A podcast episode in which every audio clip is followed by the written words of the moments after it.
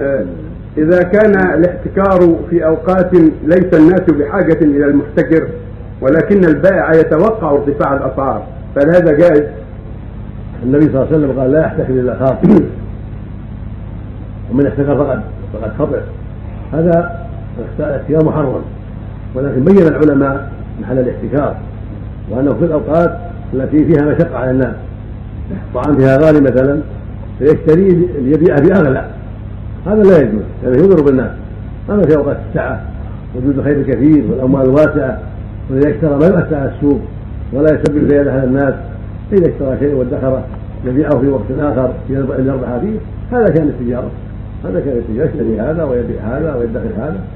فإذا كان ما في مشقة فلا يسمى احتكار فالوضع الرجل الذي من البلد كذلك إذا قبضه من مزارعه أو يعني من مزارعه وأبقى عنده إلى وقت يرجو أن يكون بيعها فيه أنفع له وأغلى لأن الوقت الآن كاسد والطعام رخيص فحفظ إنتاج مزرعته من الحبوب والتمور إلى وقت آخر لا يسمى احتكار